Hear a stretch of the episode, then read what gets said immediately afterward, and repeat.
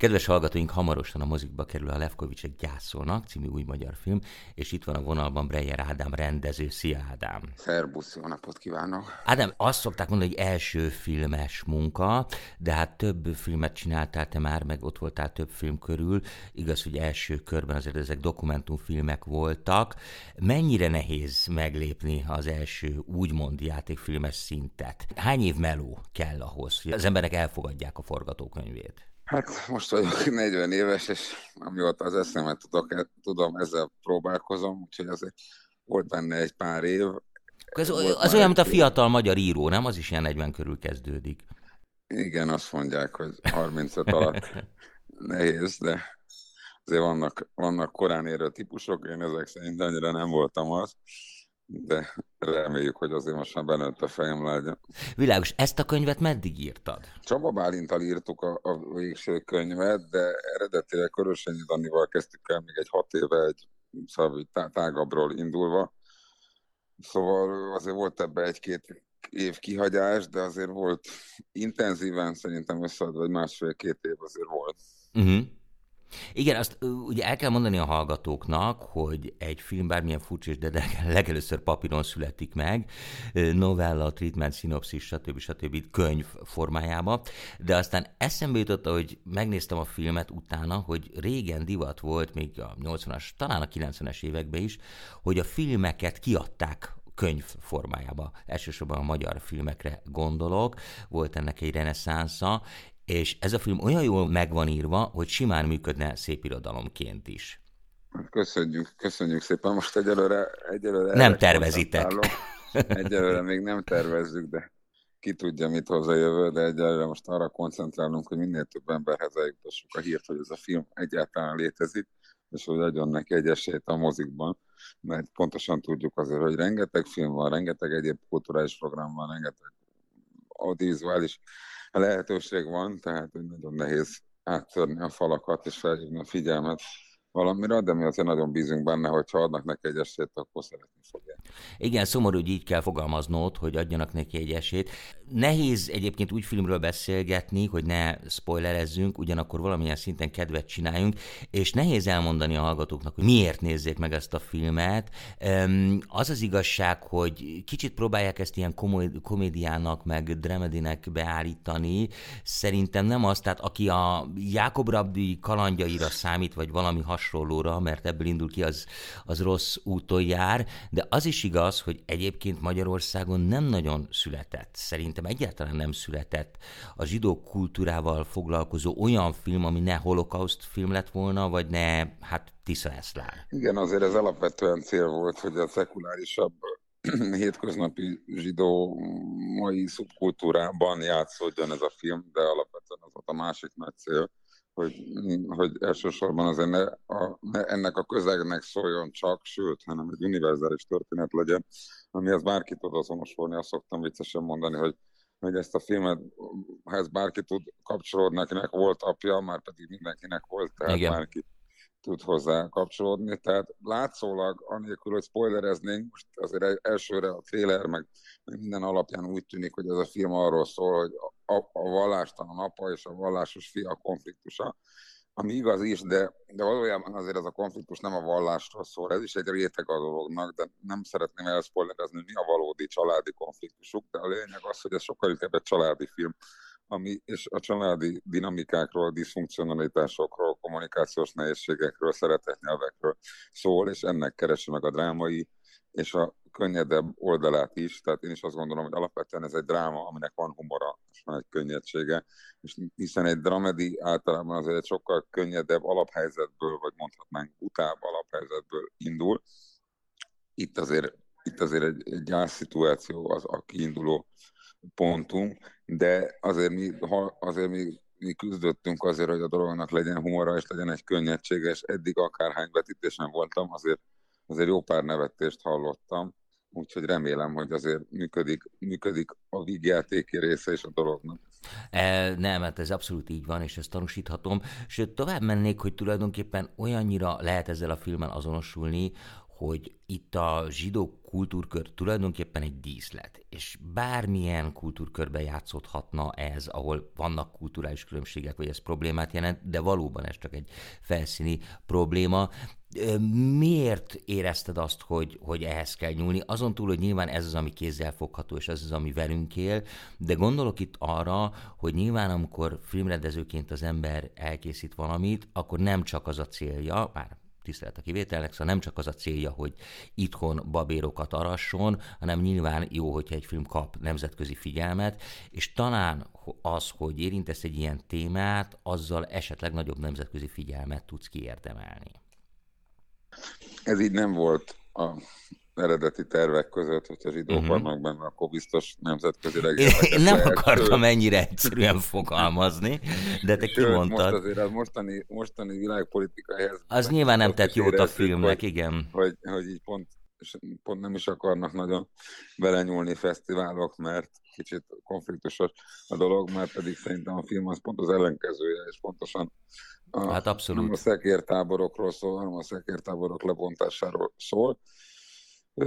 Szóval én azért szeretem azokat a filmeket, amik nem, nem kritikus kedvenc és fesztiválfilmek, és se nem nagyon bugyuta commerce filmek, hanem amik a kettő között vannak, ahol ami, ugye, a határmesdén mozog a commerce és a művészfilm között, és ezzel, ezzel a filmmel is azért ez volt a cél, hogy azért mélyebb legyen egy, egy, egy commerce vígjátéknál, de azért könnyedebb legyen, mint egy nagyon, nagyon, nagyon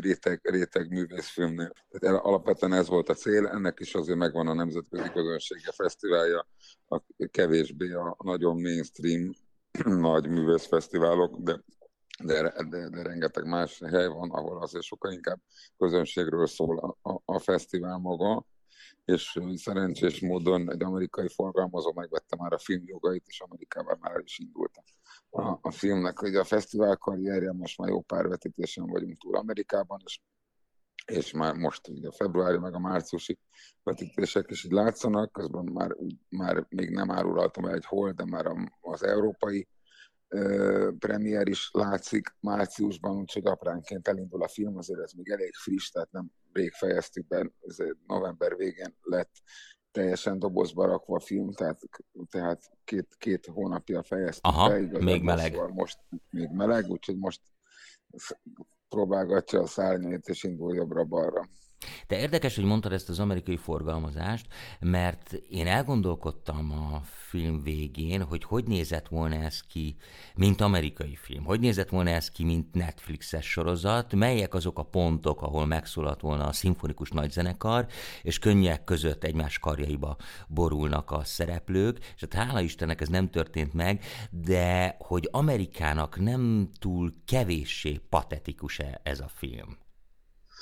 Nem tudom, én azért volt, kim voltam, és egy jó pár vetítésen ott voltam, és, és eléggé úgy tűnt, mint akik, mint akik szeretik és tudnak hozzá kapcsolódni, szóval azt gondolom, hogy a bizonyos alap emberi és családi fenomének azok ugyanolyanok nem, nemzetközileg, de ez nem azt jelenti, hogyha 6000 moziban elkezdenék vetíteni, mint egy, egy, egy commerce amerikai filmet, akkor tényleg megnézné 200 millió ember, tehát hogy... Világos, de lennék. talán majd fölkerül a hazai streaming szolgáltatókra, és akkor uh-huh. még több emberhez elér, uh-huh. amit hát tényleg őszintén nagyon drukkolok, mert azt gondolom, hogy kevés ilyen film készült az utóbbi időben, illetve hát magyar film elsősorban. Hagyj kérdezzelek egy pár műhelytitokról. Nyilván sok mindenben megmutatkozik, hogy ki milyen rendező, hogyan tud bánni a színészekkel, de azt gondolom, hogy ez egy nagyon-nagyon fontos ismérve a jó filmesnek, vagy a jó rendezőnek, hogy bármilyen háttérrel és bármilyen szakmai tudással érkeznek a színészei, valahogy egy szintre tudja őket hozni. Tehát tudnak partnerei lenni egymásnak. És hát ugye itt nagyon-nagyon széles volt nálad a skála, és tulajdonképpen minden szereplő főszereplő, és nyilván itt van Bezerédi Zoltán, aki hát egy világklasszis, és láttuk ezer színdarabba és, és százezer filmbe. Itt van Szabó Kimmel Tamás, aki szerintem egy teljesen új arcát mutatja meg, és aki nem ismerte őt, az most megbizonyosodhat róla, hogy milyen fantasztikus színész. Itt, itt van egy kisfiú, aki, aki szintén nem is tudom, hogy 6, 7, 8 éves? 6 éves. 6 éves kisfiú, és itt van az én kedvencem, a Feri karaktert alakító, Varga Roland, ugye az a művész? Várad, Váradi Roland. Váradi Roland, bocsánat. Váradi Roland, akinek valószínűleg nincsenek nagy filmes tapasztalatai, de egészen zseniálisan játszik, és ők tökéletesen tudnak partnerei egymá- lenni egymásnak, tehát nem ló ki a lóláb, nem ló ki egyik szereplő sem. Na ezt hogy csináltad? Erről mesélj, kérlek, Ádám. Hát egyébként profi színész és profi színész között is azért vannak különbségek abban, hogy hogy szeretnek dolgozni, vagy mi az, ami nekik segít abban, hogy, hogy, hogy, hogy meg, megoldjanak egy szerepet. Mm-hmm. Tehát a, a, a, a profi színészekkel is mindig valahogy meg kell találni azt, hogy, hogy kinek mi a jó, és azt hogy tudjuk összeegyeztetni amatőrökkel, meg pláne, meg az amatőr profi vegyítéssel pláne. De annyi helyzeti előnyöm van, hogy hogy egyrészt rendezőasszisztensként már lenyomtam egy Déva című filmet, ahol nagyon sok amatőr szereplő és uh-huh. profi szereplő volt vegyítve, másrészt a Larry című filmben voltam egy rendező munkatárs, ahol szintén azért ez a típusú ilyen féldokumentarista logikával készült profi színészek és amatőrök vegyítésével, hogy nem rendezőként, hanem stábtagként azért végignéztem két nagy filmet, hogy ennek mik a, a nehézségei, meg mik, a, mik az előnyei, és az, meg a saját kisfilmeimben is azért elég sok gyerekkel, gyerekkel forgattam már. Ö, próba idő, nem egyszer sokat kell egyrészt próbálni, másrészt nem szabad túl sokat se próbálni, már harmadrészt meg szerintem bármilyen szereplőről van szó, alapvetően azért emberek vagyunk, és azt kell megnézni, hogy annak az embernek mi az, ami jól áll, mi az, ami megy, mi az, ami természetes, és mi az, ami hiába jó, de nem, nem neki való, vagy nem passzol hozzá, vagy nem illik oda, és ezeket, ezeket meg hagyni kell tudni elengedni azt, hogy nem szabad valamit erőltetni, ami nem jó, és, és inkább arra koncentrálni, ami jó, és az, amit az az ember tényleg őszintén tud adni. Világos. E, mesélj egy pár szót Rolandról, hogy találtátok őt, honnan jött ő? Azt hiszem, hogy zen- zenészként talán föltűnt egy-két helyen. Nem, e, konkrétan Roland, amikor forgattunk, 14 éves volt, tehát középiskolába jár, és box, boxol. Ó, tényleg? És, és tehát idősebbnek néz ki a filmben, de valójában ez, amitől ennyire szerethető, ez a gyermeki naivitás a karakterben, az benne tökre megvan, mert ő tényleg, tényleg még csak 14 éves, most már azóta, most már lassan 15-16, de egyébként az, ő volt a legutolsó, akit megtaláltunk, tehát az volt a legnagyobb ilyen utolsó perc őrület, hogy úristen, nincs meg Ferike, vagy voltak jelöltek, de mindenki nagyon színész volt, és nagyon, nagyon leesett a vászorról. Az is, hogy idősebbek voltak, és ezt a, ezt a, ezt a naivitást. És akkor utolsó percben elkezdtem visszajárogatni az összes boxerembe, ahol jártunk, hogy muszáj valakit találni, és akkor ott volt, ott volt a, a Roland is. Itt szintén megkértem, hogy na, próbáljuk csinálni egy kis rövid castingot, akkor először odajött, megpróbálta, tök jó volt, de rögtön elmenekült, hogy nem, ezt mégse akarja aztán visszamentem, így ráálltam a nyakára, hogy te csináld már ezt Roland, próbáljuk meg, és ott hogy já, nincs valami legalább szöv, nem szöveges szerep, mert amúgy szívesen, de ne, nem mondtam, nincs ez, ez a szerep, próbálkozunk, próbálkozunk, aztán nem akarta, nem akarta, és akkor mondtam neki, hogy itt a telefonszámon, nekem ezt hétfőig el kell dönteni, mert óriási bajban vagyunk, és megkért, mondtam az edzőnek, Kovács Máriának, hogy hogy Mária beszélj velem, mert nagyon nagy szarva vagyunk, és őt Nő, Igen, női boxedző? Európa bajnok, női boxedző, uh-huh. és, és ő segített amúgy oh. a Verédi Zoli felkészítésében is. És, és akkor egyszer csak vasárnap csörög a telefon, és a Roland mondja, hogy a Mária mondta, hogy hívjam föl, tehát a rendes sportoló, hogy az edző azt mondja, hogy csinálni kell, akkor csinálni kell, és ilyen, ilyen, ilyen, ilyen volt végig a Roland, tényleg fát lehetett vágni a hátán. Ő volt az első, aki ott, ott volt, mindent, minden szereplő, statiszta, stb. mindig elkóborol, stb. Roland az ott volt, azt csinálta, azon tényleg a legcsupa, csupa szívem egy rossz szó nélkül a legnyitottabban imádnivaló Hmm, fantasztikus. De egyébként, Ádám, honnan jött neked a box? Miért, miért pont a boxot választottad? Mert ahogy mondtam, hogy tulajdonképpen itt a, a, a zsidóság bármelyik kultúrkörre behelyettesíthető lett volna, többé-kevésbé jó, kis túlzással, de hát e, tulajdonképpen másik sportot is nézhettél volna, küzdősportot. Nem tudom, egyébként az elején, amikor én ezt kitaláltam, hogy box legyen, én nagyon erőltettem, és a társírom a Csaba Bálint eleinte nem nagyon szerettem, mert azt érezte, hogy, hogy a box nem, nem eléggé tökéletes ellentéte a vallásnak. Tehát az intellektuál az például sokkal egy most aztán én erőltettem, hogy ebben van valami filmes, van valami jó, és közben meg én azt éreztem, hogy ebben van valami valós is, tehát Magyarországon furcsa mód, ebben a box közösségben megvannak, a box közösségnek megvannak a nagy zsidó legendái, tehát egyébként a leghíresebb magyar boxedző, Adler Zsiga bácsi, volt Paplacinak többek között az edzője, és még jó pár ilyen figura van ebbe a közegbe valahogy, és szóval volt ennek a, volt ebben ennek a, ennek a, ennek a zsidó kisebbségen belül egy egészen furi kis ilyen, ilyen boxos közeg, ami mhm. nekem megtetszett, hogy egy picit más, mint amit tipikusan ismerünk közeg, és amúgy én is járogattam, hát nem vagyok egy nagy boxos, de azért járogattam én is előtte boxolni, és megtetszett ennek a közegnek az a, az a része is, hogy távolról ez egy ilyen nem tudom, brutális, erőszakos közegnek tűnik, a valóságban pedig így elképesztő cuki egymásra odafigyelő, egymást folyamatosan zrikázó, van benne valami nagyon infantilisen kedves ebbe, ebbe a közegbe, és van egy ilyen nagyon alulról jövő építkező, tehát az eléggé jellemző az, hogy a alsóbb osztályokból jönnek a srácok, és, ki, és kiugrási lehetőséget látnak benne, és az edzők oda teszik magukat, hogy ez a gyerek ez kapaszkodjon föl, tehát van az egészben valami nagyon szép. Most, ahogy beszélgettünk, eszembe jutott, hogy olvastam valahol, hogy gyerekkori barátod Szegő János, akivel forgatókönyveket írtatok, és hiszen az ő édesapja, aki ugye nemrég hunyt el, és hát sokan, mint ugye újságírót, illetve riportert ismerik, Szegő András, ő is boxoló volt, hogyha jól emlékszem. Így van, így van, tehát innen is indult ez a dolog, hogy a, hogy a, hogy a Bondi bácsiról mindig hallottam ezeket a sztorikat, sőt, hát Kovács Máriát is tulajdonképpen a, a, a Szegő Andráson keresztül ismeri, mert ő járt ebbe, ebbe, a, ebbe a boxklubba, már hogy ők a Szegő András, és akkor úgy ismertük meg a Máriát is. Aha.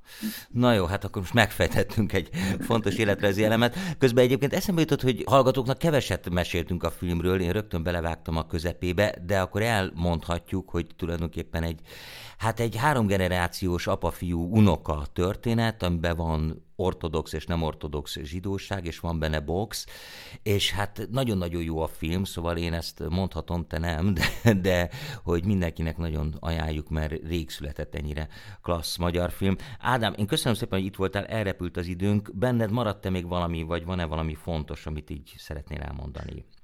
Én csak továbbra is szeretném csábítani a nézőket, hogy menjenek el moziba, mert én magamról is tudom, hogy az ember sok mindent meg akar nézni, aztán néz, azt veszi észre, hogy nem játszák. Hogy február 22-től lesz a film mozikban, ország, országszerte.